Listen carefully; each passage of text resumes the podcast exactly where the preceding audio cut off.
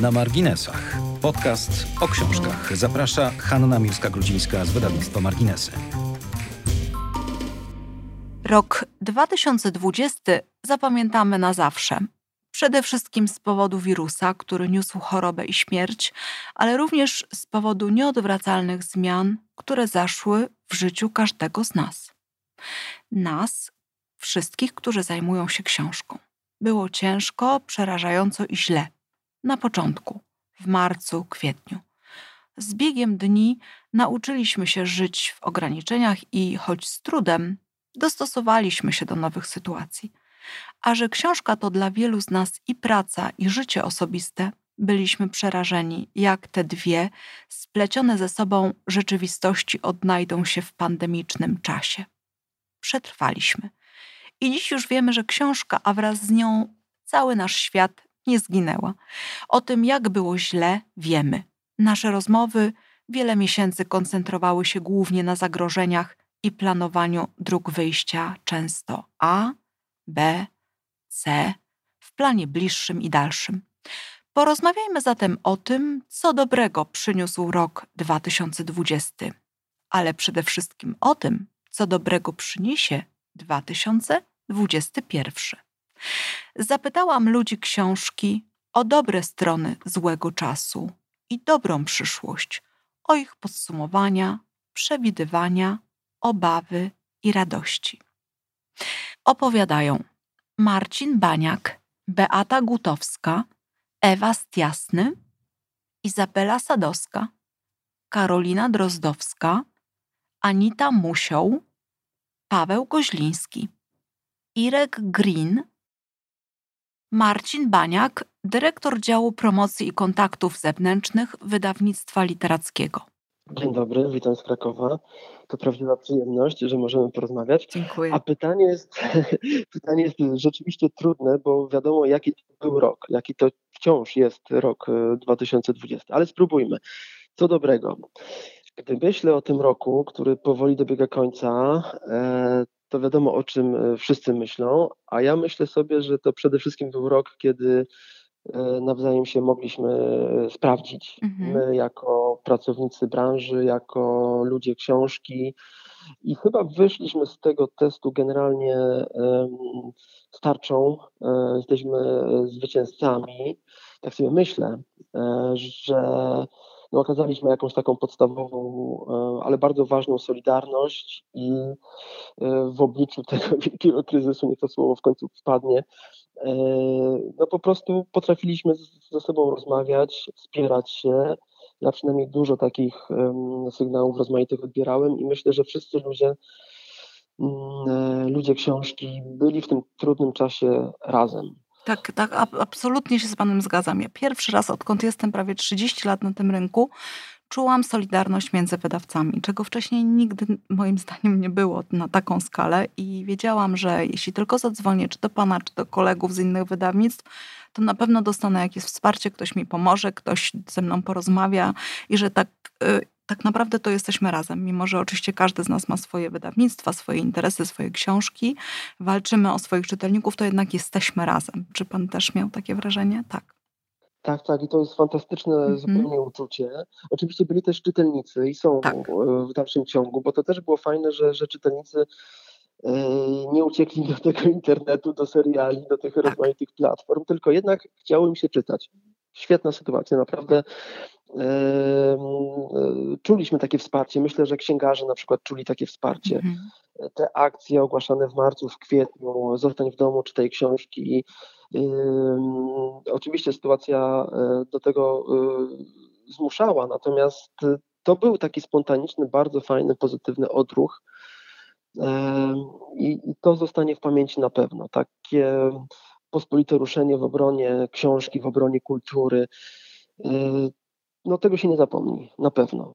E, też e, takie znajomości, oczywiście tutaj wsparcie ze strony moich współpracowników, pracowników tutaj w wydawnictwie, to też jest takie budujące i myślę, e, to jest taki sygnał na przyszłość, że że możemy nawzajem na siebie liczyć. Tak, zwłaszcza, że byliśmy w trudnej sytuacji pracowania często z dala, tak? Nie, nie, nie wiedzieliśmy, nie umieliśmy też tak pracować I, i nagle zostaliśmy postawieni w takiej sytuacji, że sobie po prostu musimy radzić w nowych warunkach i to, że możemy na siebie liczyć, to jest największe zwycięstwo tego wszystkiego. To prawda, ale oczywiście to, to nie było łatwe, bo, mhm. bo trzeba było się naprawdę przestawić. E, uruchomić te nowe procedury, programy, bardzo szybko e, zbadać te nowe możliwości i poznać je, ale właśnie, daliśmy radę. I to jest kolejny dowód na to, że branża książkowa, wydawcy książek to jest e, grupa ludzi bardzo kreatywnych, aktywnych, którzy w takich okolicznościach no po prostu zdają egzamin. Także no tutaj naprawdę za wszystkich brawa i oklaski. Mhm. Natomiast gdybym miał też jakieś takie ważne wydarzenia wskazywać tutaj w życiu WL, no to oczywiście ważne książki po raz kolejny w tym roku 2020. Ja zawsze się cieszę, jak, jak możemy dostarczyć czytelnikom nowych wrażeń i, i myślę, że nowe powieści Szczepana Twardocha, e, Tutaj mam na myśli głównie e, Pokorę, ale też e, wznowienie Króla przy okazji serialu no i sam serial to też jest przecież nie takie, takie sobie, że jest serial na podstawie powieści, który przecież jest fantastyczny, święci triumfy, no, mnóstwo ludzi go ogląda, to czytelnictwo przez to wzrasta jednak, serial ciągnie mocno wszystkie to tytuły. Prawda, jest, tak, tak i to możemy powiedzieć, że to też jest rok Szczepana Twardocha. Mhm. Bo, bo świetnie tutaj Szczepan Twardoch działa i no, cały czas zyskuje czytelników. Bardzo się cieszę e, z powieści Anny Dziewit-Meller w WL-u, czyli od jednego Lucypera, e, która wydana w trudnym momencie, e, jeszcze w, w czasie trwania, no, tuż po tym pierwszym lockdownie, bardzo dobrze się sprzedała, świetnie została przyjęta. No i oczywiście bardzo się cieszę z tej nowej książki Olgi Tokarczuk. No to jest jednak wydarzenie mm, niespotykane, e, czuły narrator, e, najbardziej oczekiwana książka roku.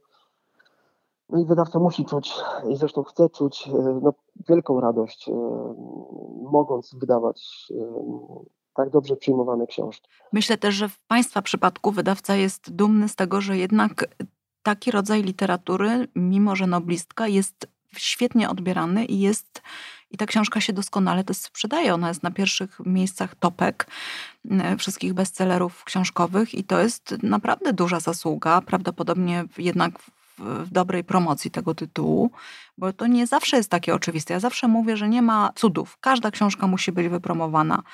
I nawet najwspanialsze nazwiska muszą być dalej promowane, dalej przedstawiane mm, z ciekawością czytelnikom, więc to jest też Państwa sukces na pewno duży. Dziękuję za, za te słowa. Y, no tak, oczywiście, zawsze przykładamy dużą uwagę do tych naszych tytułów i naszych autorów. Y, tak jak Pani powiedziała, no nie ma pewności nigdy. Nawet jak przygotujemy wszystko właściwie, albo przynajmniej tak nam się wydaje, to y, rynek może to zweryfikować. Tutaj na szczęście E, na szczęście tak nie jest, to znaczy książka się rzeczywiście bardzo, bardzo dobrze sprzedaje. Tutaj może też e, podziękuję wszystkim za, za współpracę wokół tej książki. E, Sebastian Nowak, jak zwykle mój kolega z działu, bardzo się napracował. No, sama Olga wykonała kawał roboty, bo to też nie był dla niej łatwy rok. Mhm. Ciągłe podróże, mimo tego mm, zamknięcia, cały czas świat, który chce zrobić a to wywiad, a to jakieś nagranie, a jednak e, no, stanęła na wysokości zadania i, i przygotowała książkę, mm, na którą czytelnicy czekali, z bardzo ważnymi i aktualnymi tekstami. To jest wartość potężna. A pamiętam naszą rozmowę z początku roku, w takiej rozmowie z Adamem Szają i zapamiętałam dokładnie pana pewne takie wahanie, kiedy Adam Szaja dopytywał, co nowego i czy Olga Tokarczuk opublikuje nową książkę, to, to słyszałam dokładnie ucho starego lisa wydawcy, że nie było to takie oczywiste jeszcze wtedy, w lutym czy w marcu, kiedy rozmawialiśmy. Także myślę, że Państwo też mieli dużo stresu z tego powodu. No tak, i tutaj też redaktor Waldemar Popek no, kawał pracy wykonał, mm -hmm. bo to oczywiście była praca szybka, bardzo pilna, No też tak. interesująca, wymagająca. No, zdajmy sobie sprawę, pierwsza książka Olgi Tokarczuk po Noblu, po Tak. Literackiej Nagrodzie Nobla. Tutaj wszystko musiało być sprawdzone, e, kilka razy przeczytane, zanalizowane. Oczywiście cały czas trwały rozmowy e, z autorką. E, No, właściwie każda kropka została tutaj w tej książce omówiona, zanalizowana. Bo ta książka zostanie na wieki już, Mhm. więc, e, więc no musieliśmy stanąć e, po raz kolejny to powiem, na wysokości zadania. Udało się. Gratuluję bardzo jeszcze raz e, tego starego roku, który mija. A proszę powiedzieć, co w 21 dobrego? No mam nadzieję, że, że nadal będziemy mogli wydawać fajne książki i kilka takich zapowiedzi mm, rzeczywiście już można znaleźć na naszej stronie internetowej. E, Natomiast dla nas to w dużym stopniu będzie rok na przykład Stanisława Lema. Mhm. Tak sobie myślę, że ten pisarz e, wróci bardzo mocno. E, Kilka dni temu nasz parlament uchwalił rok 2021 rokiem Lema i my się do tego bardzo, bardzo mocno przykładamy. Z kilku powodów. Lem z WL-em związany był od roku 55. E, WL powstał w roku 53, czyli właściwie przez całą swoją karierę Lem był związany właśnie z wydawnictwem literackim i to jest kawał historii tej oficyny wydawniczej. Więc chcemy, chcemy bardzo się do tego ładnie przyłożyć i, i, i zapowiadamy fajne książki. Myślę, że one zainteresują czytelników Lema. E, Tutaj e, nie jest tajemnicą, że Wojciech Orliński pracuje nad książką o Lemie, o jego latach i jego życiu w PRL-u. Więc to będzie taki słodko-gorzki obraz Lema borykającego się z rozmaitymi absurdami życia e, w Polsce Ludowej. E, No i będzie też nowa biografia Lema, autorstwa Agnieszki Gajewskiej. I to jest jedna z tych książek, na którą najbardziej czekam osobiście też. Jestem bardzo ciekawy, jak to pani Agnieszka e, opisała, ponieważ ona proponuje inne spojrzenie na Lema. Próbuje z tych utworów fantastycznych wyłuskać to, co może okazać się przydatnego dla biografa. Mhm. No wydawałoby się, że nie ma nic prawdziwego w, w książkach o podróżach kosmicznych, międzygwiezdnych, a ona próbuje się tam doszukać takich wskazówek właśnie biograficznych, więc jestem bardzo, bardzo tego ciekaw. No to wspaniałe, bo to taka biografia oparta na twórczości, prawda, która prze, przefiltrowana przez twórczość, która dzisiaj jest niezwykłą rzadkością. Już tak raczej się nie pisze książek, moim zdaniem z powodu warsztatu, który jednak trzeba posiadać do takiej umiejętności pisania, więc rzeczywiście fantastyczna y, sprawa nas czeka. Tak, zapowiada się bardzo, bardzo ważna książka, natomiast oczywiście też Agnieszka Gajewska wykonała kawał takiej pracy no, typowej dla biografa, Mhm. czyli archiwa, dokumenty, daty, No tak. mm, rozmaite umowy i tak dalej, i tak dalej. Wszystko w tym będzie. Y, I myślę, że ta książka będzie się odróżniała właśnie od wcześniejszej biografii Wojciecha Orlińskiego pod wieloma względami. Te książki będą się uzupełniały. Y, I myślę, że to będzie duże wydarzenie po Mhm, prostu. mhm. Natomiast y, z innych rzeczy, no, no wydamy Bookera Międzynarodowego, e, czyli e, tę głośną książkę Marikę Lukasa Reinewelda. E, Tutaj e, e, imiona są znaczące, bo jest to osoba e, niebinarna, więc, e, więc e, e, no, ciekawa lektura nas e, też czeka. Mhm. Bardzo. Dyskomfort Mhm. zmierzchu. Y, No sam jestem bardzo ciekaw tej książki. Y, Prace trwają. Także jak zwykle mam nadzieję, że ten 2021 rok w WL-u będzie pełen takich fajnych, y, dobrych, y, dużych wydarzeń literackich, y, książek, które zostaną mm, dobrze przyjęte. Y, No już się troszeczkę nie mogę doczekać. Y, y, No oczywiście mnóstwo znaków do zapytania jest.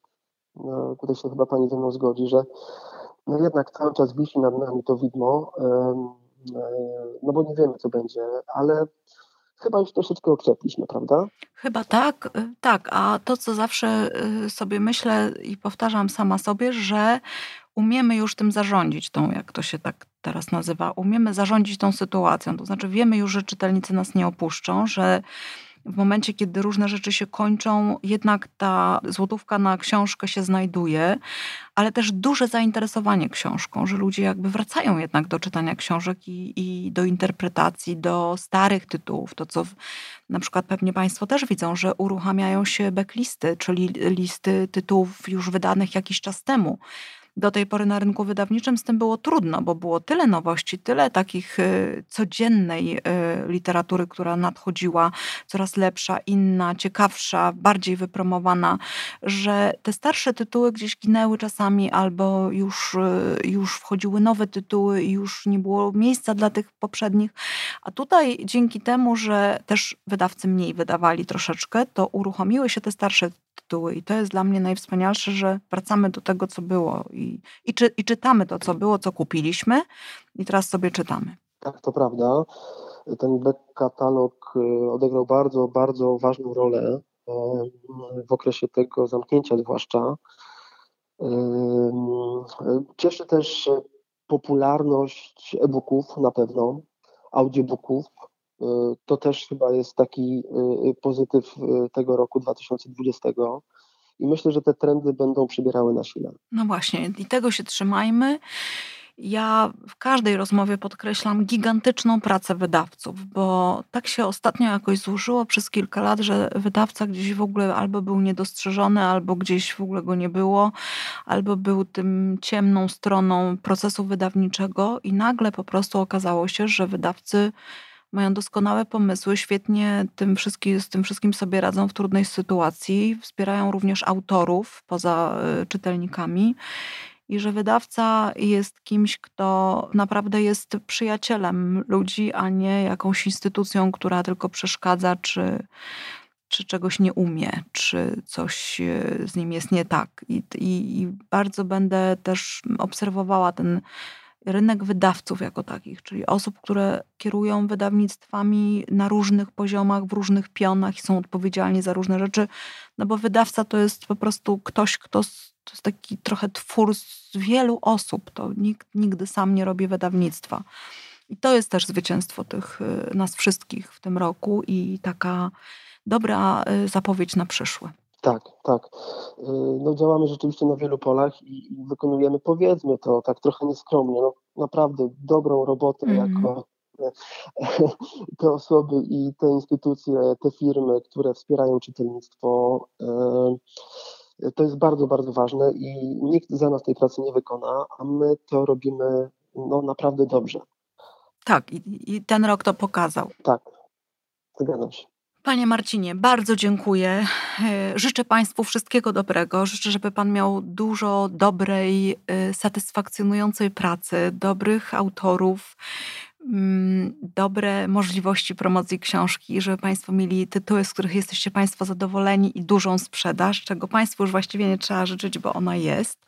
Więc się po prostu trzymajmy, wspierajmy, solidaryzujmy jako wydawcy też i działajmy razem, bo cel mamy jeden, żeby książka była y, równoprawnym y, czymś, mm, przedmiotem, klimatem, miejscem też takim w naszej y, wyobraźni i w naszym życiu, do którego ludzie będą równie chętnie sięgać jak kliknięcie w platformę y, filmową czy jakąkolwiek inną.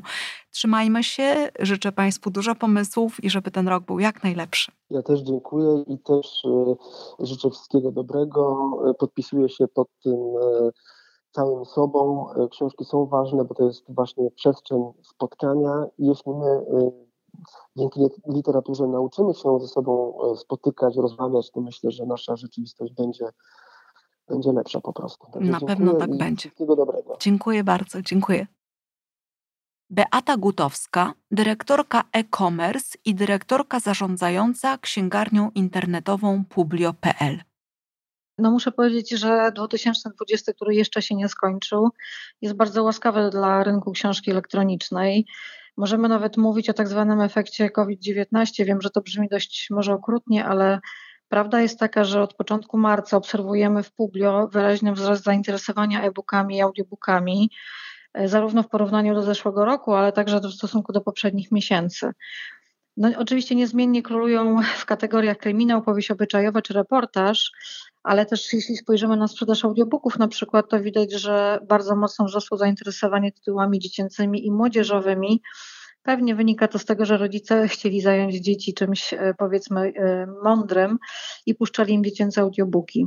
Ale też ciekawe jest to, że e, audiobooki tak, ale że e-booki też, prawda? Bo do tej pory raczej ta książka dziecięca była nakierowana na papier. E-booki, e, tak jak powiedziałam, rzeczywiście topowe, e, topowe kategorie to był kryminał, powieść obyczajowa mm -hmm. i reportaż, natomiast rzeczywiście audiobooki mają nadreprezentację, widać w sprzedaży tych tytułów dziecięcych, mm -hmm. ponieważ łatwiej dziecku puścić audiobooka, prawda, niż czytać mu e-booka, bo wtedy człowiek jest wolny. I co muszę powiedzieć, że w momencie, kiedy księgarnie stacjonarne były zamknięte, to widzieliśmy szczególne zainteresowanie właśnie wzrostem nowych rejestracji, czyli przybyło bardzo wielu nowych użytkowników i no to były rekordowe liczby liczby zarówno w kwietniu, jak i w maju. No, ewidentnie klienci szukali treści, które w bezpieczny sposób będą do nich dostarczone, no bo wiadomo, że książkę fizyczną nawet musi przywieźć kurier, natomiast książkę elektroniczną dostajemy po kablu na półkę w swojej księgarni. Jest to bardzo bezpieczny i szybki sposób. No i mamy nadzieję, że ci klienci zostaną z nami dłużej, bo trzeba pamiętać, że wielu z nich się przekonuje dopiero do e-czytania i wielu z nich miało do czynienia z e-bookiem po raz pierwszy, no ale zostają z nami dłużej, to nas bardzo cieszy. A jeszcze chciałam powiedzieć o kategorii e-prasa, bo to jest ciekawe, bo my też mamy oprócz e-booków, audiobooków e, tytuły prasowe. Widać ogromne zainteresowanie, ludzie e, sięgali po e, szczególnie dzienniki elektroniczne i tygodniki opinii, bo dużo się działo w tej sferze, nazwijmy to opiniotwórczej, ludzie chcieli wiedzieć, co się dzieje w Polsce, na świecie, a w czasie lockdownu podpisaliśmy kilkanaście nowych umów z wydawcami, którzy do tej pory się zastanawiali, a w tym momencie pukali do nas codziennie naprawdę kilku wydawców, że już dojrzeli do tego i chcą podpisać umowę, także bardzo mnie to cieszy. E, musiało dojść do takiej sytuacji właśnie, żeby tak zmobilizować, można powiedzieć, wydawców. No także muszę powiedzieć, że takim trendem świadczącym o, o tym, że klienci się oswajali z książką cyfrową jest bardzo duża liczba pobrań bezpłatnych e-booków. Mamy ich troszkę w księgarni i widać, że, e, że to jest taki sposób na oswajanie się z tym, z tym światem książki elektronicznej. To nic nie kosztuje, prawda? Założyć, można bezpłatnie założyć e, konto w księgarni i bezpłatnie pobrać ileś audiobooków i testować czytanie na, czy na telefonie, czy na czytniku, czy nawet na komputerze. I to jest taki najlepszy sposób jakby przełamania tej bariery właśnie, że no wiele, wiele razy klienci powtarzali, że jednak papier to jest papier, ale elektroniczne czytanie też ich wciągnęło. No i w takiej sytuacji, kiedy zamknięte księgarnie, kiedy jednak utrudnione wszystko, nagle okazuje się, że ten trochę taki po macoszemu traktowany świat e czytania książek y, Urosł, jest tak. tak, jest y, dla niektórych po prostu jedyny też, tak? I nie ma innej możliwości. Ale też muszę powiedzieć, że wydawcy y, bardzo nam się dobrze pracowało w tym czasie z wydawcami, dlatego że bardzo wielu wydawców, no wiemy o tym, prawda, że zastanawiali się, czy odkładać nowości na jesień, tak, i premiery, czy nie, ale wielu wydawców się zdecydowało również na premiery e-bookowe, co kiedyś w ogóle było, można powiedzieć, nie do pomyślenia, natomiast w tej chwili ten, ten format zyskał jakby równoległy status do książki papierowej, co oczywiście no, bardzo mnie cieszy jako, jako osoby zarządzającej e, księgarnią, w której jest tylko e-content, -hmm. więc, więc jest to absolutnie e, coś nowego. No i muszę powiedzieć, że z rynku wiemy, że dynamicznie rośnie sprzedaż czytników e-booków, Wręcz są kłopoty z dostawami, ponieważ Chiny się nastawiły na, na produkcję wewnętrzną i są kłopoty z, kom, z komponentami do tych czytników. Także w tej chwili robi się to dobro luksusowo troszkę. Czyli chronimy swoje staruszki, które już są wysłużone i może już nie przyjmują Absolutnie. takiej ilości egzemplarzy. Tak. Głaszczemy, e, pieścimy i przytulamy, żeby się tylko nie zepsuły. Jak najdłużej. Jak najdłużej. I to może też dobrze, żeby tych nowych dóbr też nie bez przerwy sobie nie dodawać, żeby szanować czy naprawiać to, co starsze. To może nawet i też dobra wiadomość. Powiedz zatem, tak. co w XXI?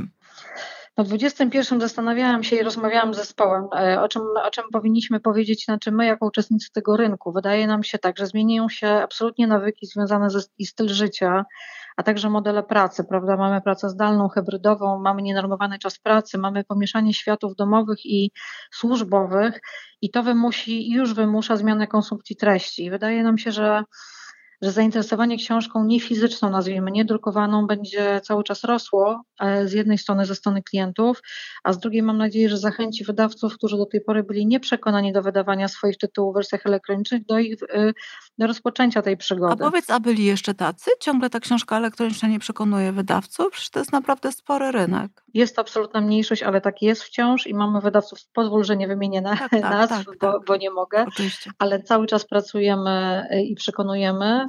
E, zresztą widzą, co się dzieje na rynku, więc myślę, że to jest kwestia czasu. Mhm. I chcę Ci powiedzieć o trzech trendach, które my widzimy, tak. tak które nam wyszły w, w rozmowach wewnętrznych, ja się z nimi zgadzam. Po pierwsze, ten pierwszy to jest treści audio i, i to są, dotyczy to i audiobooków i podcastów. E, wydaje nam się, że zyskają na popularności i widzimy dwa kierunki, e, jeśli chodzi o kategorie. E, trend pierwszy kierunek to są takie treści podnoszące kwalifikacje. Wydaje mi się, że będziemy chcieli się dokształcać, nie wiem, będziemy chcieli czytać treści zarówno takie powiedzmy popularno-naukowe, czy coacherskie, czy podnoszące właśnie kwalifikacje zawodowe, czyli takie, które, że tak powiem, no, niosą ze sobą jakąś wiedzę, a z drugiej strony widzimy ogromną przestrzeń dla e, książki dziecięcej w audio, bo rodzice będą chcieli, żeby dzieci spędzały ten czas w sposób jakościowy i i to jest bardzo dobry, bardzo dobry sposób. No, widzimy także, że te mm, treści audio będą się rozwijały w modelach abonamentowych, co widzimy w tej chwili już na rynku. Po tym, ilu jest graczy, nie będę wymieniać, ale wiadomo, że treści audio szczególnie dobrze się sprzedają w modelach abonamentowych i myślę, że ten trend się utrzyma.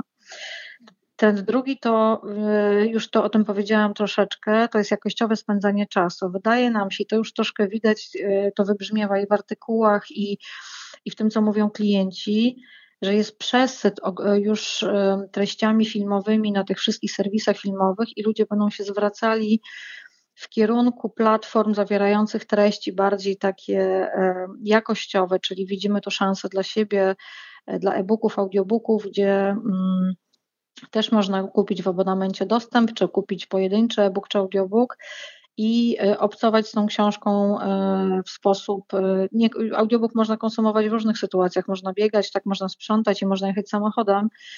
I wydaje nam się, że ten trend jakościowego spędzania czasu będzie na korzyść naszych, naszego świata e-bookowego. I trzeci trend, który widzimy, to jest taki rynkowy. Mm, wydaje nam się, że audiobook wraz z e-bookiem będą się ukazywały jednocześnie, a e-book nawet wcześniej niż wydanie papierowe, bo do tej pory było tak, że te formaty, nazwijmy to papier i e-book, były w jednym momencie, natomiast audio było nigdy albo było dużo z dużym opóźnieniem, tak? bo wydawca chciał zaobserwować, czy na przykład dany tytuł ma potencjał, czy nie a teraz wydaje się, że mm, będzie wyścig z czasem, żeby zdążyć z trzema formatami na jeden moment i to jest też bardzo dobra wiadomość dla klientów, bo będą mogli sobie wybrać z trzech formatów i one ze sobą naprawdę nie konkurują. Czasami wręcz występuje współkupowalność, bym powiedziała. Czasami książkę e, nasi klienci kupują na przykład bardzo grubą w e-booku, żeby przeczytać dla siebie, ale kupują ją również na, na tak zwaną półkę albo na, na prezent, tak, bo jest bardzo wartościowa i jakościowo, edytorsko y, też chcą ją jakby mieć w ręku. Więc wydaje nam się, że te trzy trendy, czyli treści audio, jakościowe spędzanie czasu i ten wyścig y, formatów, żeby były wszystkie jednocześnie, żeby klient miał wybór, to jest to, co widzimy y, na dzisiaj. No, przede wszystkim muszę powiedzieć, że to jest fantastyczne, co mówisz, zupełnie niesamowite Dziękuję. są to wnioski, ciekawe bardzo i bardzo dobre wiadomości dla wydawców. To są y, wiadomości, które mm, no, otwierają nam nowe możliwości dystrybucji naszych książek. Y, nigdy nie mieliśmy wątpliwości, że to jest przyszłość, że trzeba nam iść falą wysoką i szeroką. I ty to teraz potwierdzasz, ale też widzimy, że no, y, muszę tak powiedzieć, że nie ma tego złego, co by na dobre nie wyszło. Akurat y, cała dramatyczna sytuacja y, choroby, wirusa, lockdownu dla książek miała jak najlepsze przełożenie, tak jakby wszyscy... Dobroczynny wpływ, tak. Zdecydowanie. I myślę, że to się poniesie. I ta gigantyczna, co też często podkreślam, naprawdę gigantyczna praca wydawców, niedoceniona zupełnie, bo zawsze wydawca gdzieś jest w ogóle niedostrzeżony w tym, w tym działaniu, jakoś tutaj przyniosła y, owoce i przyniosła efekty. Przyniosła efekt taki, że ludzie czytają książki. I to jest wspaniała rzecz. Życzę Wam wszystkiego dobrego. Życzę Wam, żeby y, przyrastało wszystko w nowym roku i żeby się sprzedawało nie tylko Wam, ale i nam. Znakom, I nam wszystkim. puenta. Tak, wydawcom.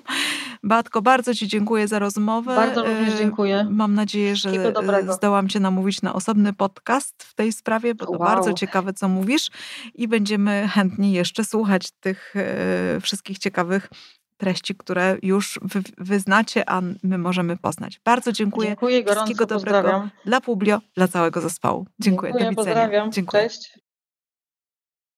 Ewa Stiasny, graficzka, ilustratorka i wydawczyni, współzałożycielka wydawnictwa Dwie Siostry.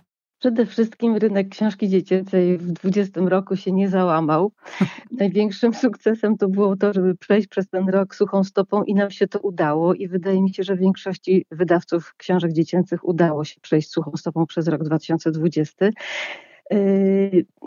książ, moim zdaniem oferta, mimo że na początku została wstrzymana, także że, że ta oferta wydawała się y, uboższa, bo wydawcy wstrzymali oddech, to potem to się bardzo sprawnie odbudowało i z naszej strony my dostarczyliśmy y, dzieciom y, taką ofertę, jaką planowaliśmy im dostarczyć. Co więcej, udało nam się y, wydać aż dwa tytuły naszego super duetu Mizielińskich mimo że planowaliśmy tylko jeden tytuł. Więc ta oferta moim zdaniem była na tyle bogata, żeby dzieci nie musiały aż tak surowo odczuwać tej całej sytuacji. No bo rolą dorosłych jest, żeby chronić, tak? a te książki, które udało nam się y, wyprodukować, myślę, że, że trochę odsunęły od, yy, uwagę od, od, od tych strasznych rzeczy. I oprócz tego, że te książki są piękne i one są, mimo że może tam mogłoby ich nie być jak, jak, jakichś tytułów, to też udało nam się stworzyć kontakt y, z dziećmi, ze szkołami, z bibliotekami, y, mimo tego pandemicznego czasu, wykorzystując w zasadzie y, no, te online'owe wszystkie spotkania. Czyli nauczyliście się bardzo dużo. Tak, nauczyliśmy się bardzo dużo i, y, i myślę, że to, jeżeli y, pandemia odejdzie, ja myślę, że to zostanie, bo to jest naprawdę świetne narzędzie do tego, do kontaktów, do tego, żeby być blisko czytelników nie tylko na targach, ale też prowadzą podróże, odchodzi dużo czasu spędzonego w, trochę na marne, a, a kontakt y, osobisty y, przez internet jest naprawdę, można sobie stworzyć bardzo serdeczny. Zwłaszcza, że to jest takie dla dzieci już naturalne narzędzie. To już nie jest tak, że muszą się jak starsi może nauczyć. Oni już, oni to, one to już wiedzą, znają, więc jakby... Tak. Mhm naturalnie to się wszystko zdarzyło. A powiedz, bo wiele się o tym mówi, że właśnie ten rynek książki dziecięcej odebrał najwięcej e, z tej sytuacji pandemicznej. To znaczy dzieci zaczęły czytać książki, zaczęły czytać więcej książek i ta książka, no nie mogę powiedzieć, że się odbudowała, bo ona sobie na, nieźle radzi, ale że wiele małych istot wróciło do książki albo ją doceniło. Czy... No tego nie wiem, tego to nie wiem, bo to, to, to pewnie zobaczymy za, za jakiś czas. To, e, tego efekty będą, e, będą później. Na pewno rodzice zwrócili się z powrotem do, do, do, do książek, mhm. no bo ileż można przed komputerem nie można wychodzić na zewnątrz tyle, ile by się chciało, nie można jeździć tak daleko, jakby się chciało, więc zostaje jeszcze może czasami w niektórych domach może zapomniana książka. No tego nie wiem, zobaczymy. Natomiast wiem, że książka aktywnościowa, czyli mhm. taka, która pomaga zająć czas y, y, dziecku, edukować dodatkowo, jest jakby uzupełnieniem edukacji szkolnej, też bardzo dobrze się znalazła w, tych, w tym czasie. My na naszej stronie publikowaliśmy różne takie gry, ćwiczenia, zajęcia. To były tak naprawdę rozkładówki z naszych książek aktywnościowych, które można było sobie bezpłatnie pobrać. Zresztą do tej pory to jest na stronie internetowej. I to okazało się strzałem w dziesiątkę, bo tego rodzice potrzebowali. I, i, I myślę, że dzięki temu też y, może zwrócili jeszcze raz uwagę na te książki, które są no, podręcznikami mhm. takimi uzupełniającymi. Mhm. A co ze starszymi tytułami? Czy zauważyłyście, że to y, jest y, taki czas starszych tytułów, że ten taki oczywisty, wypracowany przez wiele lat pęd, chęć do, do tego, żeby mieć cały czas nowe książki, troszeczkę się zatrzymał i ludzie wrócili do tych backlist tak zwanych i do tego, żeby czytać to, co po pierwsze mają już w domu, to co kupili, ale też, żeby przeglądać starsze wydania, starsze książki wydawców. No, na początku pandemii to taką naszą akcję wymyśliliśmy, backlista przebojów mhm. i namawialiśmy y, czytelników do, do wspominania y, i do dziennikarzy też, wystosowaliśmy taki, takie pismo do dziennikarzy, żeby zwrócili uwagę na, na te starsze tytuły. No, myślę, że no trochę, trochę, trochę to miało jakiegoś tam od, oddźwięku. Nie wiem, czy to zostanie na długo, ale rzeczywiście ludzie zaczęli sobie przypominać o jakichś tam książkach. Ale, mm, ale tylko to jest niebezpieczne, czy to może zostać z nami y, na dłużej. To, to, to nie wiem, bo ludzie to tak kochają nowinki, Nowe rzeczy, tak, że oczywiście. mogą niestety to zapo- zapominać o tym. Wierzmy, że to y, pomogło. Tak, tak jak y, wierzmy, że ludzie się nauczyli teraz piec sami chleby, potrafią upiec ciasto drożdżowe w domu i zrobić konfitury, tak wrócą do tych książek, które mają na półkach albo które y, no, były wydane jakiś czas temu. Wierzymy Masz rację, w to. tak, to, to y, trzeba tylko zostawić wieżę. A w takim razie jeszcze pytanie dotyczące takiego bezpośredniego tej treści książkowej. Mówi się wiele o tym, że dzisiaj jest taka tendencja, żeby dzieci się uczyły przede wszystkim z książek.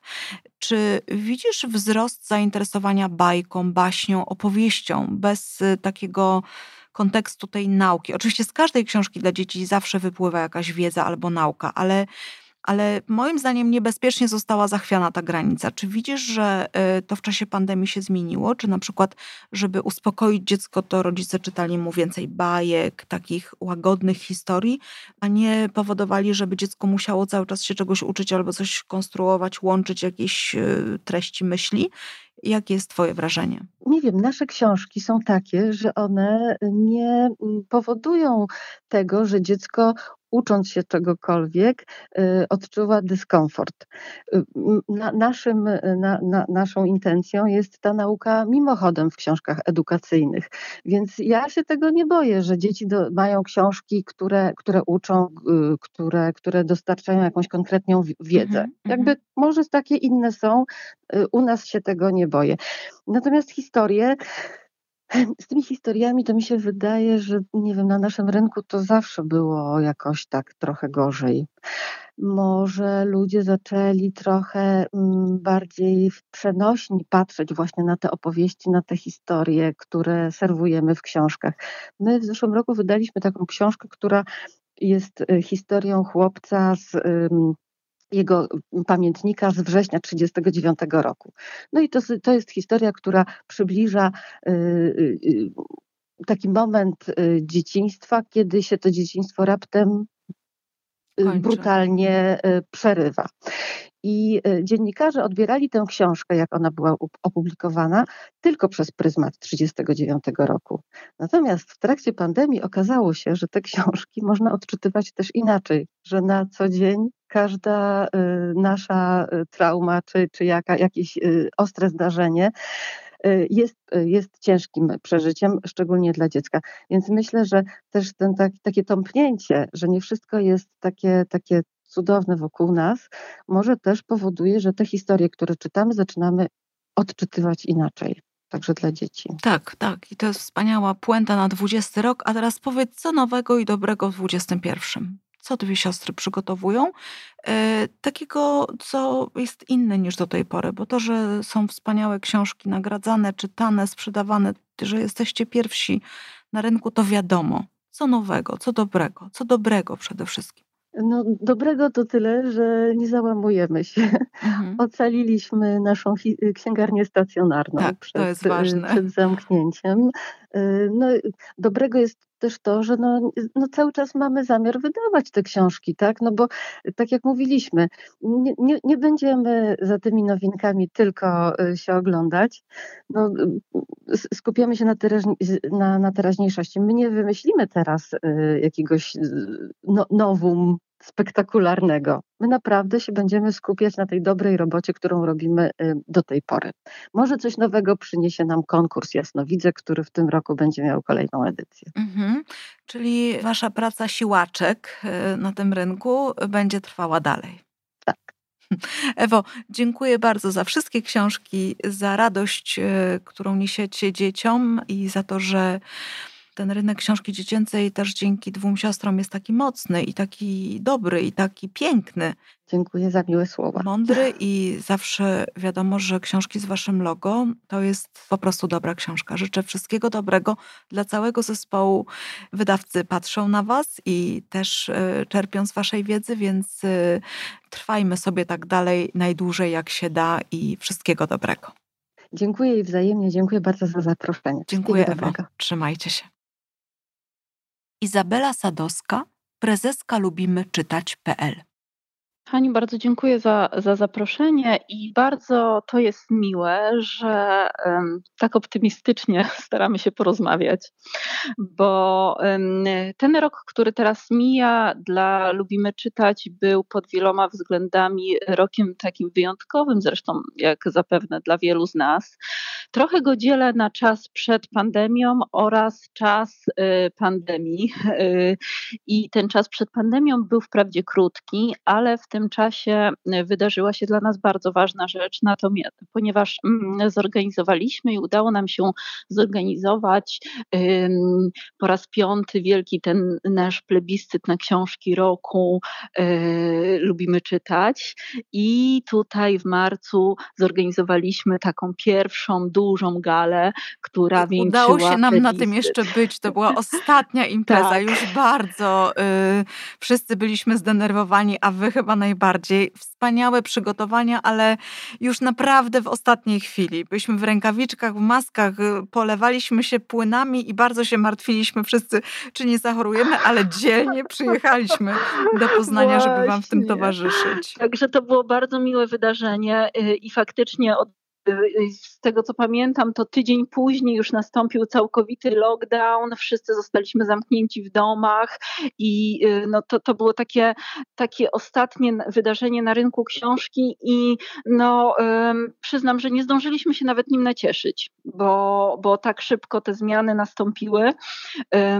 I te zmiany, które nastąpiły, y, to była taka chwilowe wstrzymanie oddechu, y, to był marzec, kwiecień, nie wiedzieliśmy co się będzie działo, widzieliśmy nawet po naszych statystykach, że użytkownicy bardzo ostrożnie podchodzą zarówno do zakupu książek, jak i e, reklamodawcy do reklamowania tych książek, więc mieliśmy taki pewien czas takiego niepokoju, co się będzie działo na rynku, ale już później powoli zaczęliśmy i, i, i rynek zaczął się przystosowywać do tego, że coś się zacząć dziać musi. I takim krokiem, który który był dla nas takim dużym również wydarzeniem, to było zorganizowanie takich wirtualnych targów książki Book Targ, ponieważ zostały odwołane targi książki w Warszawie.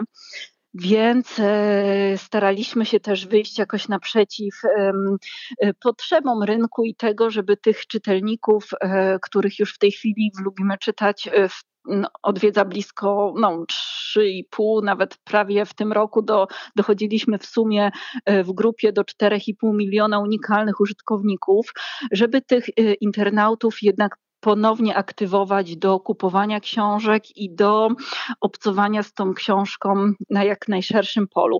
I co bardzo cieszyło, że rynek książki troszeczkę nie mając wyjścia, przerzucał wszystkie moce na nowe technologie, w sensie e, Nareszcie. po- tak, czekałam na to od wielu lat. Tak. Pracowałam tak, żeby to w końcu się stało.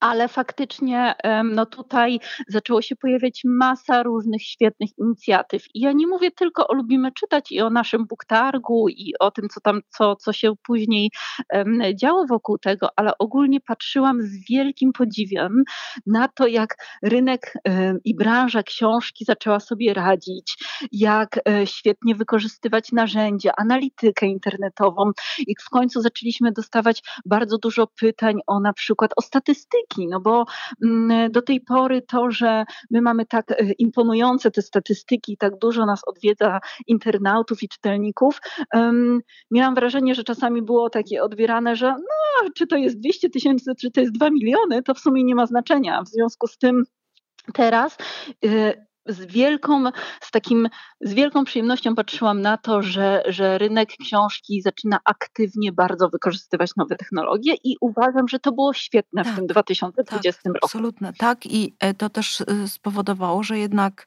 z takiego roku, y, który zapowiadał się no, jako zwyczajny rok, jeden z wielu, nagle okazało się, że macie bardzo, bardzo, bardzo dużo pracy. Czy z tym sobie też poradziliście?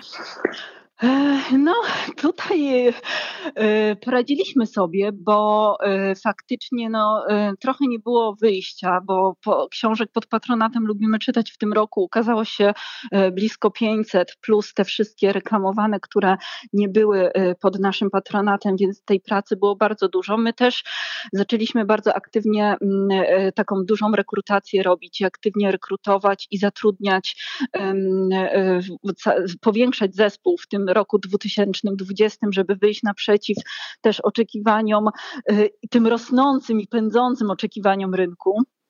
Więc to, jest, to się wszystko dzieje, to jest wszystko w trakcie yy, i myślę, że to się tak szybko nie skończy, ponieważ jeżeli mm, możemy tak sobie płynnie przejść do, do roku kolejnego, tak. tak, 21, no to uważam, że mm, branża książki tak się wyszkoliła w tych nowych technologiach, że będzie miała coraz większe potrzeby i coraz lepiej będzie je wykorzystywać. W związku z tym tutaj też czeka nas bardzo dużo pracy, nas jako zespół i lubimy czytać, żeby um, proponować nowe narzędzia, ciekawe do wykorzystywania do promocji książek w internecie, żeby wyjść właśnie naprzeciw tym rosnącym oczekiwaniom. No właśnie, bo też e, już widzimy, że e, nasi czytelnicy się szybko przywiązują i nie chcę powiedzieć, że nudzą, ale trochę mm, tak po dziecięcemu nudzą, tak? To już widzimy, że za chwilę będziemy musieli mhm. wymyślać nowe formy promocji, żeby już te spotkania online czymś umajać,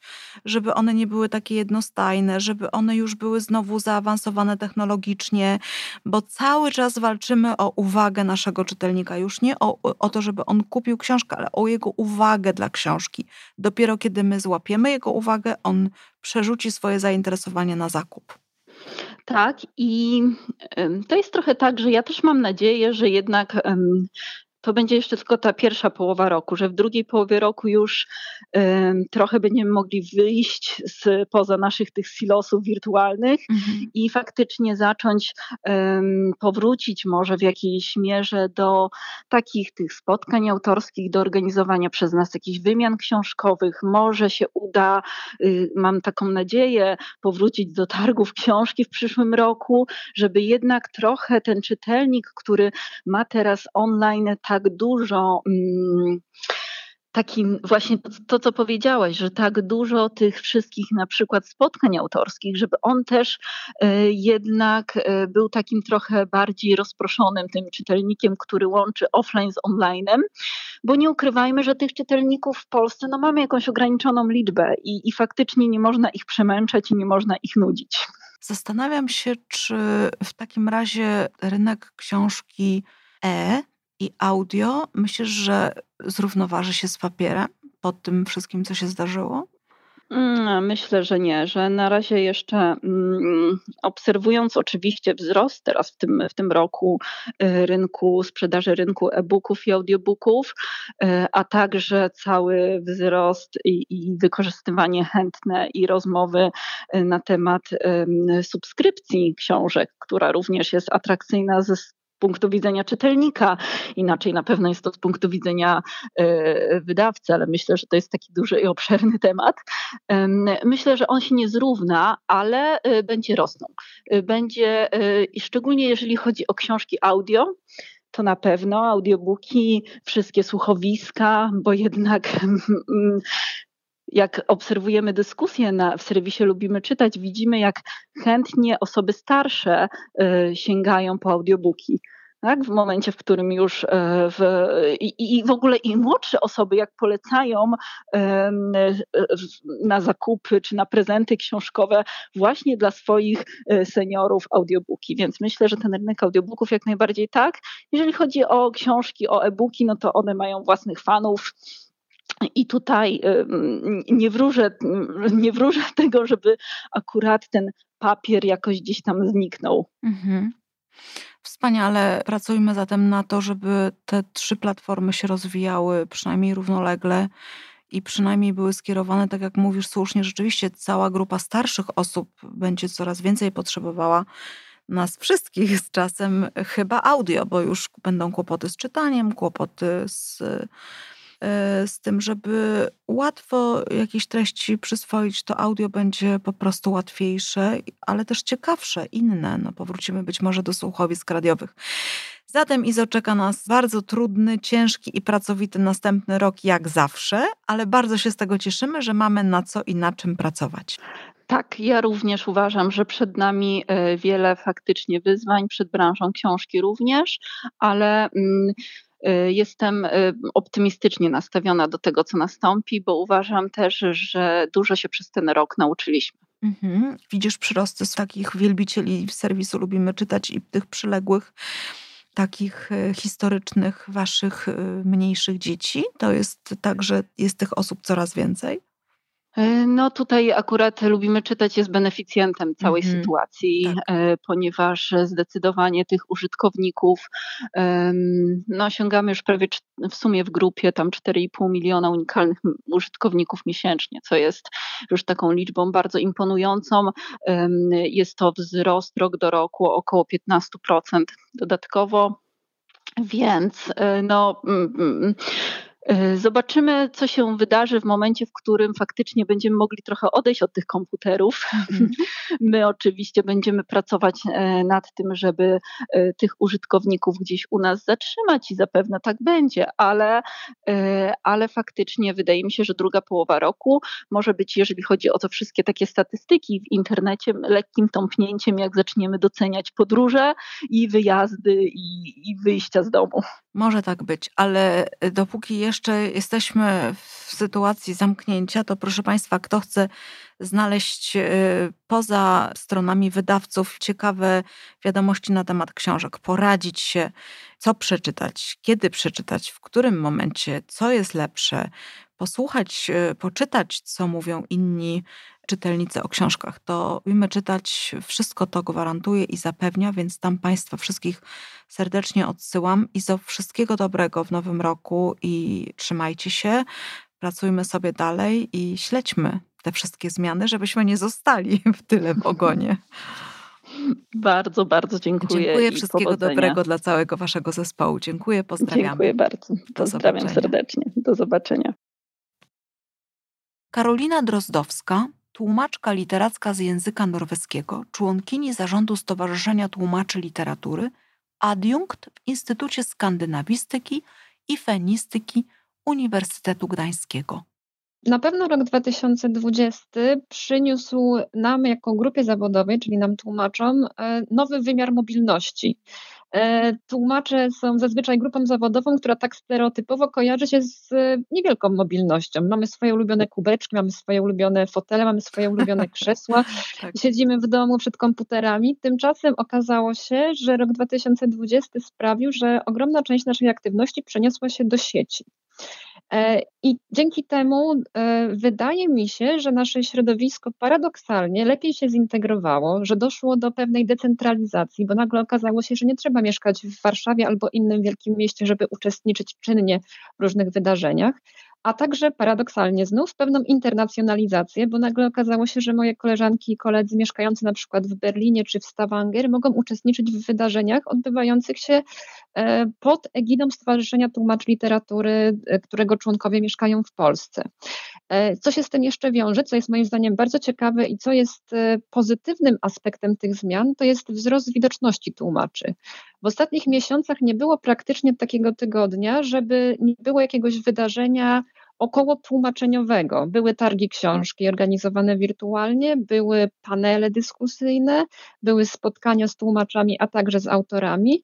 E, I tak naprawdę, jak sobie myślę o tym roku, to dochodzę do wniosku, że widywałam moje koleżanki i kolegów e, częściej niż na przykład w latach poprzednich. Tak, ale też y, trzeba tutaj od razu powiedzieć, że działalność Stowarzyszenia Tłumaczy Literatury prowadzona bardzo konsekwentnie przez Państwa całą grupę od trzech lat, czterech, pięciu już? E, Stowarzyszenie Tłumaczy Literatury istnieje już 10 lat. 10 lat, ale ponad. no właśnie, to jest, starzy ludzie mówią, czas szybko leci, ale tak jest.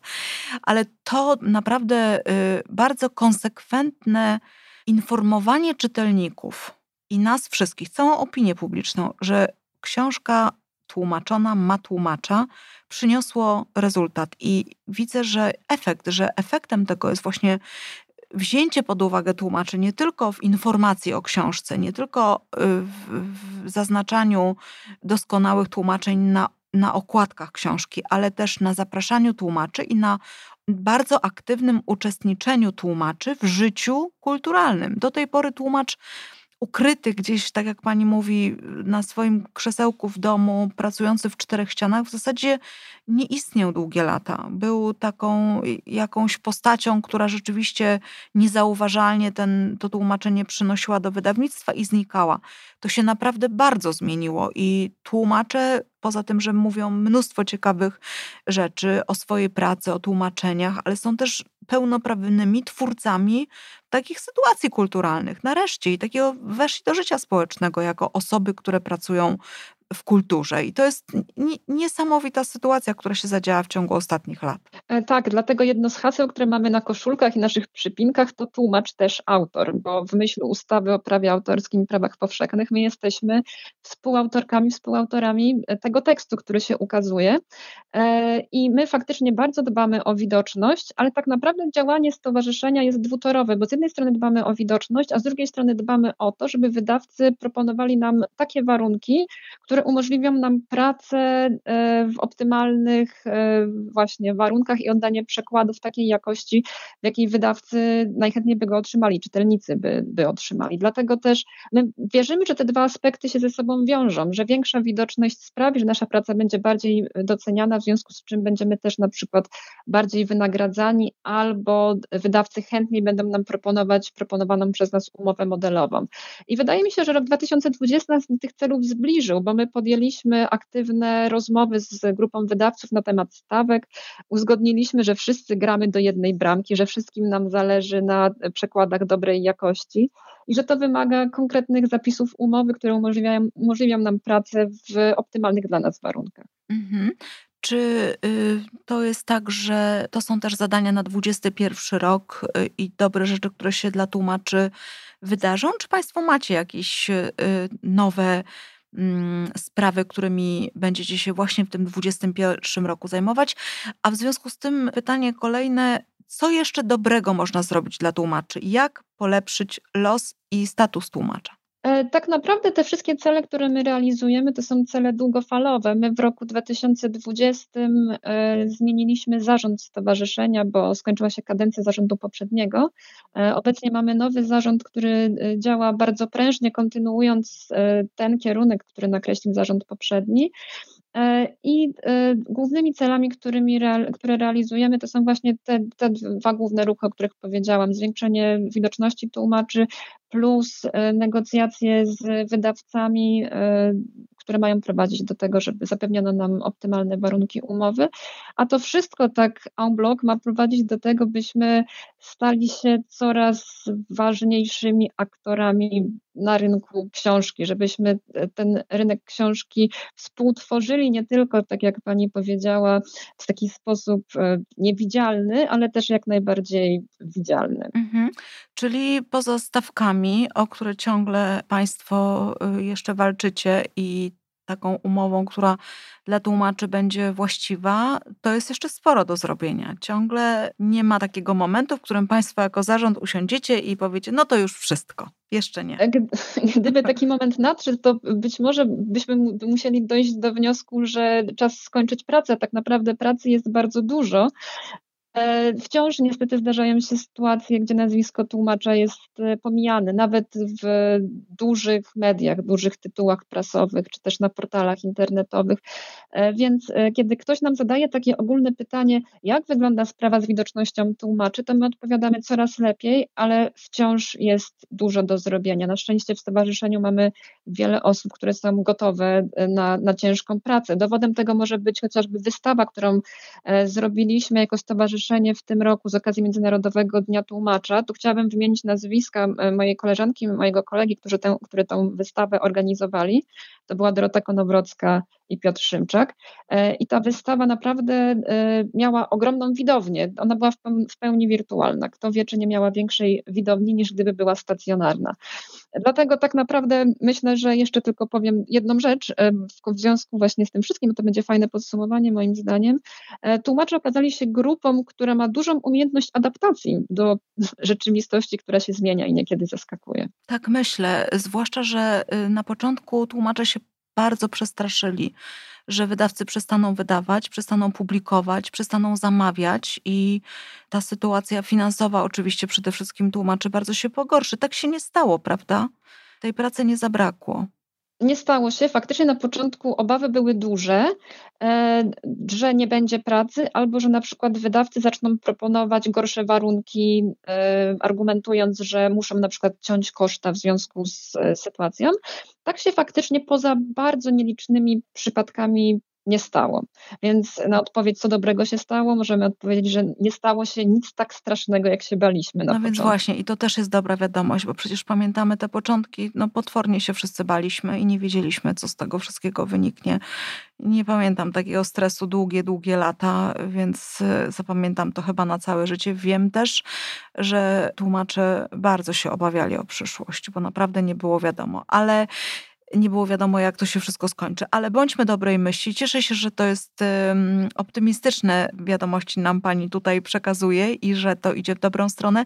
Życzę państwu miękkich foteli, dobrych siedzeń, trzymań pleców, wygodnych poduszek, dobrych laptopów, komputerów, żeby państwa praca była wygodna, a z drugiej strony życzę Państwu jak najwspanialszych umów, tego, żeby się wydawcy wywiązywali z tego, mm, na co się z Państwem umówili, dobrej pracy i dobrych książek. Serdecznie Pani dziękuję dla wszystkich tłumaczy, od nas, wydawców, wszystkiego dobrego.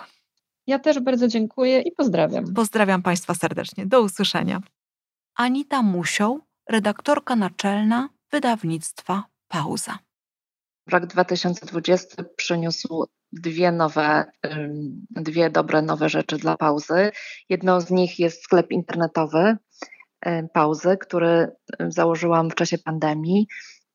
Pozwoliło mi na to, pozwoliły mi na to okoliczności, czyli to, że byliśmy zamknięci w domach i wszyscy moi autorzy, którzy mieli przyjechać do Polski, poodwoływali swoje przyjazdy, więc miałam tak zwane wolne przebiegi, czyli trochę wolnego czasu, żeby pomyśleć też o tym, jak rozwijać firmę i jak wyjść do czytelników, zbliżyć się do czytelników. I właśnie wreszcie zrealizowałam mój długo odkładany projekt, czyli sklep.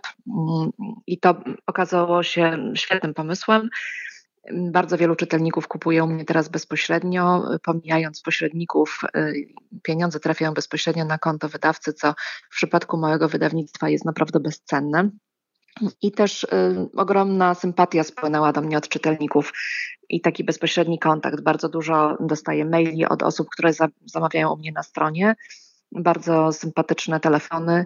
Także to był taki, no taka była bardzo duża zmiana dla pauzy. A druga rzecz to był drugi projekt, który też odsuwałam od siebie jak mogłam. To był podcast pauzy, który już pod koniec 19 y, roku zaczął się rodzić w mojej głowie ale też z przyczyn różnych, między innymi braku czasu właśnie y, był odkładany. No a w czasie pandemii y, przyłożyłam się trochę do tego projektu i rozwinęłam go i już jest ponad 20 odcinków. Y, są fragmenty książek, są całe opowiadania, są rozmowy z tłumaczami, pauzy, także mm, wydaje mi się, że to też jest taka nowość bardzo pozytywna, która się wydarzyła w tym roku, pomimo różnych innych trudności. Jeżeli chodzi o przyszły rok, to będą dwie y, nowe y, rzeczy dla mnie. Widzę, że ty tak to... parami działasz. Dwie nowe rzeczy w 20 roku szczególne i dwie nowe w 21. No tak się okazuje właśnie, przez przypadek zupełnie. Jedna z nich to są audiobooki pauzy, mhm. Y, które w sumie nie są nowością na rynku jako, jako takie, to nie jest żaden innowacyjny pomysł, natomiast dotąd nie było audiobooków pauzowych, był jeden tylko audiobook Legendy o samobójstwie E, wyprodukowany wspólnie z audioteką, a w tej chwili będę rozwijała ten projekt jakby już indywidualnie jako pauza i sprzedawała te audiobooki, mam nadzieję, wszędzie, gdzie są Wspaniale, wspaniale, bo już wiemy, że ten rynek audio bardzo, bardzo ruszył i, i teraz pewnie z powodu pandemii więcej słuchamy książek niż do tej pory. Tak słyszałam i myślę, że sporo moich tytułów się właśnie do takiego słuchania bardzo dobrze nadaje. A przede wszystkim to nie są długie książki, więc można, proszę Państwa, w czasie podróży przesłuchać je od razu. Tak? To są y, książki, które da się w czasie podróży, jeśli trwa ono na przykład do 4 godzin, y, wysłuchać i już, i mieć y, taką lekturę za sobą. Tak, i też y, wydaje, wydałam już teraz y, trzy zbiory opowiadań, a na przyszły rok mam kolejne zbiory opowiadań w planach, bo jestem ogromną fanką opowiadań, y, które są troszeczkę po macoszemu traktowane na naszym rynku, ale no ja bardzo w nie wierzę i myślę, że też na czas pandemii i właśnie na czas podróży to jest bardzo dobra mm -hmm. formuła mm -hmm. słuchanie takich krótkich form, więc wydaje mi się, że też do audiobooków one się będą bardzo ładnie nadawały też na krótsze podróże, nie tylko czterogodzinne. E, więc, więc audiobooki to jest ten jeden projekt, a druga rzecz, e, ponieważ ja dotąd wydawałam tylko fikcję, to była taka moja marka e, pauzy. Pauza się tym charakteryzowała, że tylko wydawałam autorów współczesnych, żyjących i właśnie fikcję. Postanowiłam troszeczkę rozwinąć moją ofertę o książki, właśnie takie powiedzmy wspomnieniowe, e, paro, paraautobiograficzne i mhm. parabiograficzne autorów, których ja już wydaję. I pierwszą taką książką e, będzie e, książka Sigrid Nunes, autorki Przyjaciela i autorki powieści Pełnia Miłości. Bardzo popularnej w Polsce już autorki. Jej książki zostały świetnie przyjęte przez polskich czytelników. Ona napisała wspomnienia o Susan Sontag. E, I to będzie pierwsza książka e, taka z pogranicza właśnie mm, fikcji i niefikcji. W pewnym sensie książki Edwarda Louis już się wpisują w ten nurt, bo wiadomo, że jego powieści są wprawdzie powieściami, ale są bardzo autobiograficzne. Więc y, w ten sposób będę rozwijać ofertę i szukam teraz y, kolejnych pomysłów, y, bo wielu bardzo moich autorów pisze również książki, które nie są fikcją. Bardzo wielu, więc myślę, że to tak, będzie takie fajne połączenie, bo nie jest to kompletnie inna noga wydawnicza, jakby. To nie są książki z innych gatunków, zupełnie niezwiązane z tym, co dotąd wydawałam, tylko właśnie takim elementem łączącym są ci moi autorzy, którzy są bardzo przez czytelników e, hołubieni i lubiani. Na wszystkie spotkania zawsze przychodziły tłumy czytelników, więc liczę, że tutaj też te książki niefikcyjne się spotkają z, z uznaniem polskich czytelników. Wspaniale. Pozostajesz dalej e, przy literaturze obcej. Twoje najbliższe plany nie przewidują wprowadzania polskich autorów, to jest e, oferta zagraniczna cały czas oferta zagraniczna. E, cały czas się trzymam tej zasady, że chcę wspierać i rozwijać autorów, których już wydałam na polskim rynku, więc e, czytelnicy mogą się spodziewać kolejnych książek Davida Vana, e, właśnie kolejnych książek Sigrid Nunes. Będzie też Otessa Moszwek, zbiór jej opowiadań i też pracuję nad tym, żeby wprowadzić do oferty kolejne książki innych pauzowych autorów. Bardzo wierzę w to, że autora trzeba inwestować, trzeba go budować, trzeba go wspierać. E, I wiadomo, że każdy wydawca ma książki słabsze i mocniejsze, ale autorowi należy się zawsze jakiś taki ciąg dalszy jego twórczości. I tutaj e, widać to już przez te dwa lata pauzy, teraz minie trzeci rok istnienia pauzy, kiedy e, widać, że wydaje kolejne książki autorów i to się będzie też działo w 2021 roku. Oczywiście kolejny Edward Louis, na którego wszyscy bardzo czekamy, bo był przeniesiony z 20 roku. Także to jest y, taka, taki konstans, powiedzmy.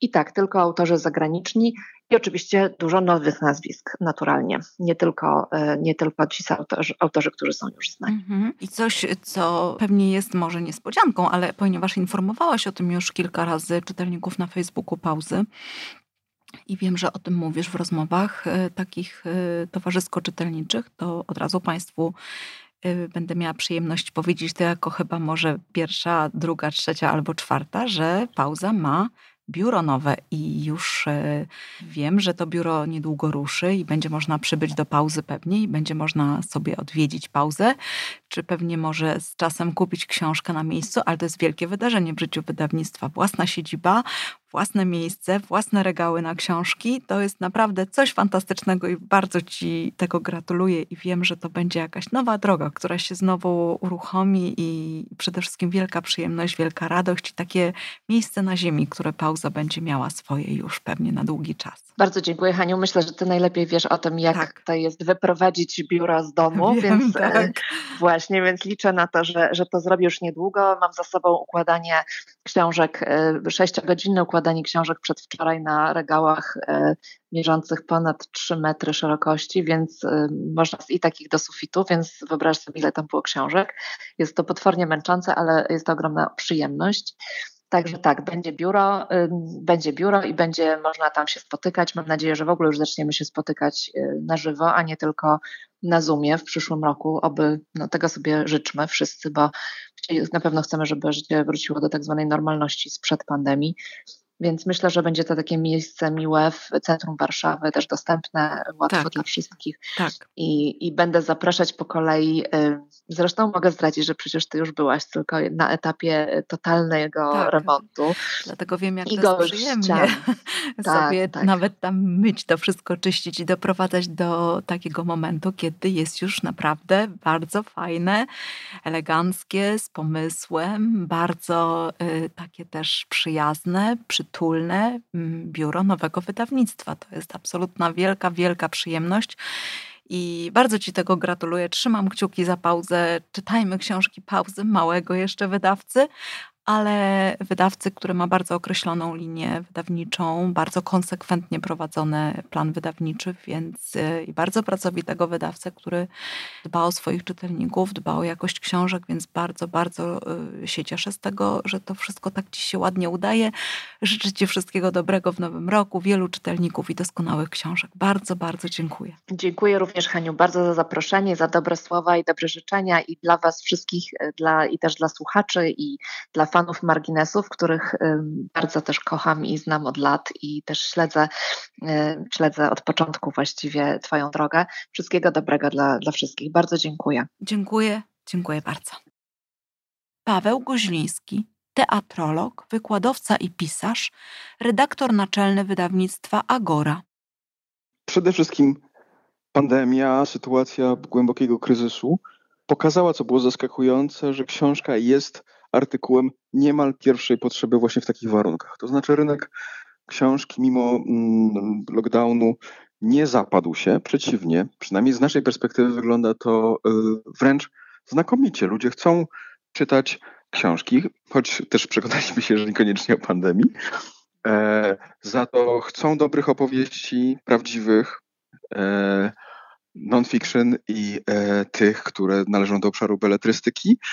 Mm, oczywiście to, ta, ta, pandemia zmieniała plany, ale dawała też e, takie poczucie, że to, co robimy, ma sens, bo w takim najgorszym momencie zainicjowaliśmy projekt, który się nazywa Nadzieja. E, to była antologia i książka Cegiełka jednocześnie. Udało się namówić i Olgę Tokarczuk, i Wiesława Myśliwskiego, i Hannę Krali, innych autorów. 40 tekstów zebrało się nie w cegiełkę, ale w prawdziwą cegłę.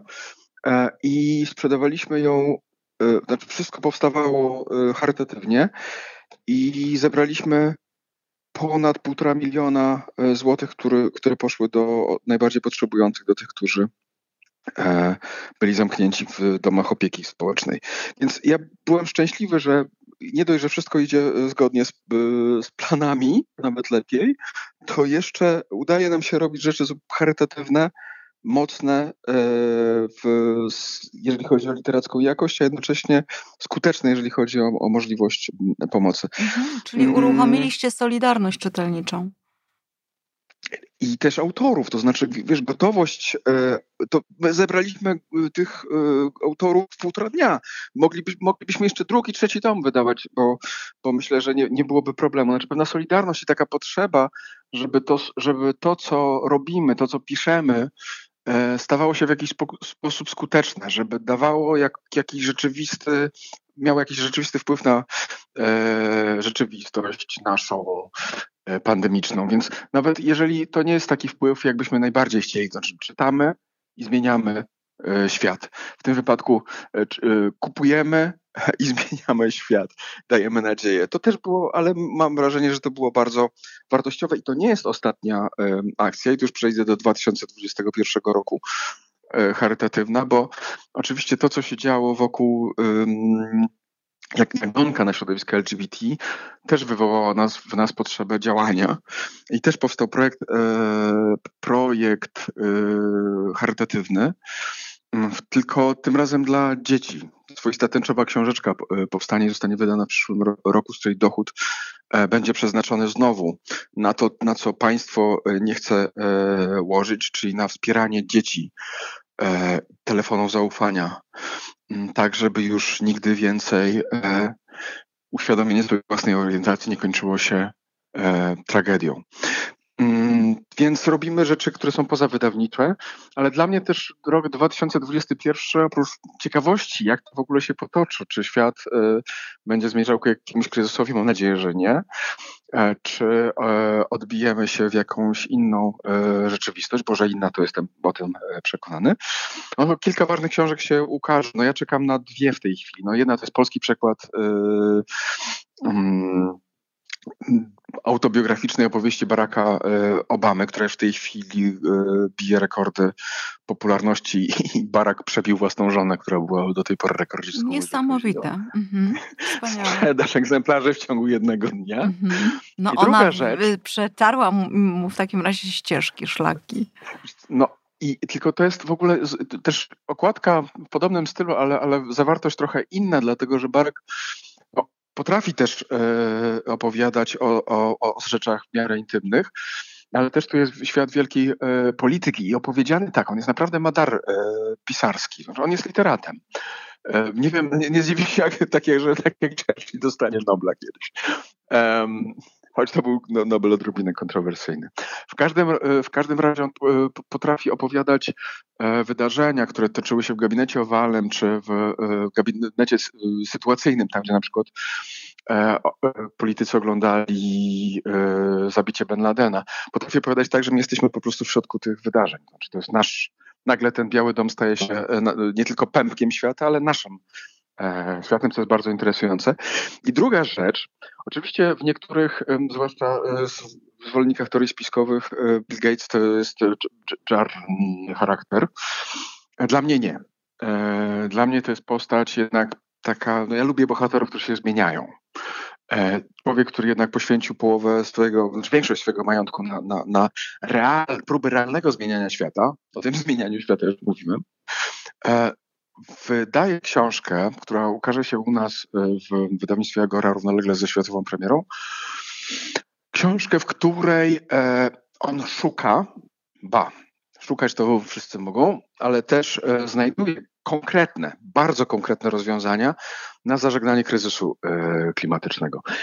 E, rozwiązania w skali makro i w skali e, mikro, no bo to jest facet, który naprawdę mm, nie pozwala sobie na bujanie w obłokach, tylko przekłada problemy na pytania, pytania mm, na próbę znalezienia odpowiedzi i i znajduje, szuka ludzi, którzy potrafią udzielić tych odpowiedzi i, znaleźć konkretne rozwiązania. I to jest właśnie taka książka, konkretna nie e, bujanie wśród e, niemożliwości, co jest najgorsze, e, wieszczenie apokalipsy, tylko książka, jak jakie rozwiązania powinniśmy jeszcze odnaleźć, a co z tego, co już wiemy, powinniśmy wdrożyć, żeby zażegnać klimat, kryzys klimatyczny, który no trochę przykryła go e, pandemia, ale jest ciągle czymś, co e, wisi nad naszymi głowami i mam wrażenie, że w ciągu ostatnich lat tak również u nas e, przebiła się świadomość tego niebezpieczeństwa do publicznej świadomości. A poza tym masę innych książek. No oczywiście najbardziej kręcą mnie książki, tak? I tych tytułów będzie kilkadziesiąt, więc o wszystkich nie opowiem ale e, mam nadzieję, że będzie co czytać również e, w ofercie wydawnictwa Agora.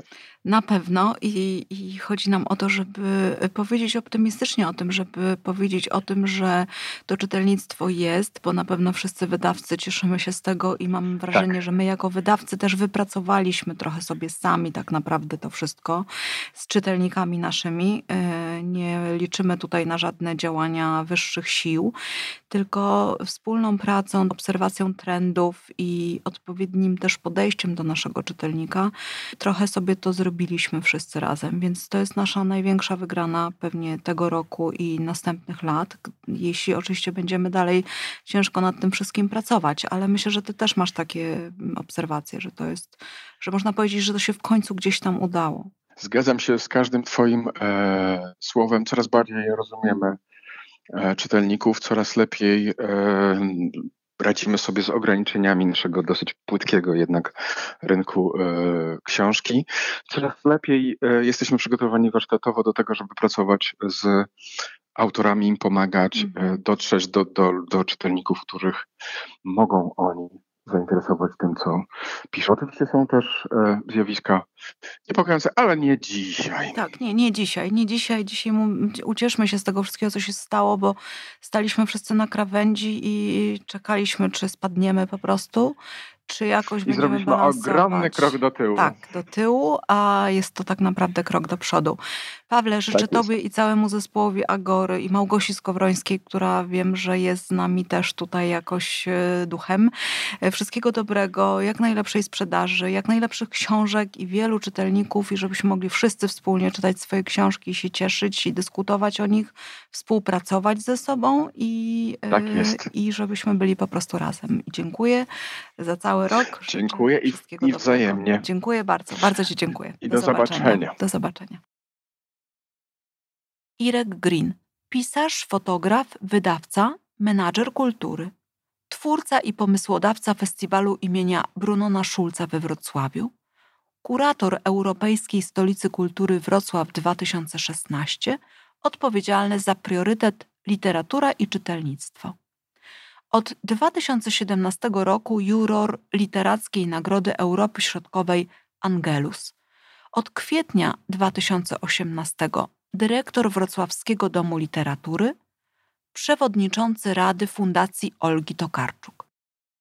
To ja dziękuję za, za, za zaproszenie Mm, i chyba mogę, chyba mogę mm, jakieś dobro w w w tej, w tej niecnej rzeczywistości mm, pokazać, ale warto by było, zanim to zrobię, warto by było jednak powiedzieć, że e, ono się nie wydarzało samo. To znaczy za, w, w, za, za, zasianiem dobra e, stoi praca, akurat w moim wypadku setek e, ludzi i to praca na granicy e, wytrzymałości. Po pierwsze dlatego, że zdalna i nasze doświadczenie chyba wspólne jest takie, że ta praca kosztuje znacznie więcej czasu i, e, i, i, i emocji i energii. Znaczy zdalna przez, przez okres lockdownu i później też przecież częściowo w różnych, e, w różnych e, konotacjach. I pewien wysiłek, który polegał na co wiedzieliśmy już od y, przełomu lutego i marca tak naprawdę, a w marcu już wszyscy wiedzieliśmy,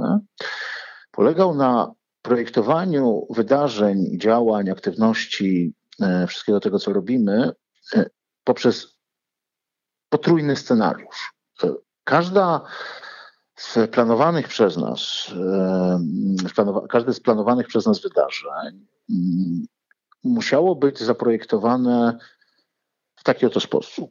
E, Po okresie lockdownu wszystko wraca do normy, mamy publiczność, możemy z nią e, pracować, bo my tak naprawdę pracujemy z publicznością. Naszą pracą jest e, działa, dzia, działalność na rzecz upowszechniania czytelnictwa, czyli, czyli właśnie mniej praca z autorami, e, bardziej, bardziej z publicznością.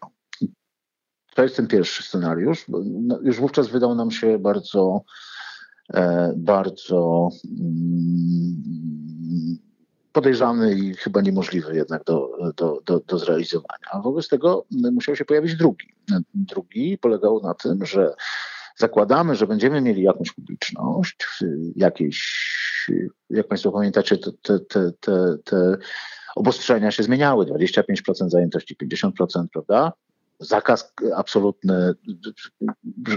Żyliśmy i będziemy jeszcze przez jakiś czas żyć w, w, w świecie decyzji, które mm, właśnie co chwilę się zmieniają. Po drugie, na, na końcu szeregu interes, interesariuszy tych zmian stoi kultura. To znaczy kultura się musi dopytać, żeby dowiedzieć, gdzie, gdzie jest. No więc ten drugi scenariusz, scenariusze polegały na tym, że mamy jakąś publiczność, bardzo, bardzo za nią tęsknimy i bardzo jej chcemy. Oprócz tego musimy zmienić swoje nastawienie polegające na tym, że nadajemy online, czy nadawaliśmy do tej pory online wybrane materiały, Zaraz powiem, dlaczego wybrane, a teraz powinniśmy nadawać wszystkie, tak? jeśli chcemy zapewnić E, publiczności, która przyjść nie może, ale nie dlatego, że nie chce, tylko dlatego, że nie możemy jej wpuścić w jakiejś określonej liczbie, czyli takiej jak do tej pory, e, bo mamy ograniczenia, no, żeby mogła z tym, e, z tym wydarzeniem obcować, a zatem powinniśmy nadawać wszystko. I trzeci scenariusz jest taki, że przechodzimy w ogóle na online i nikt nie spotyka się na scenie, nikt z sobą nie rozmawia, nawet bez publiczności, co nadajemy, tylko jesteśmy w domach. I tak się złożyło przez szereg, y, przez ten przekrój mojej działalności, że przerobiliśmy wszystkie te scenariusze. Znaczy, zarówno było tak, że mamy część publiczności i, i nadajemy.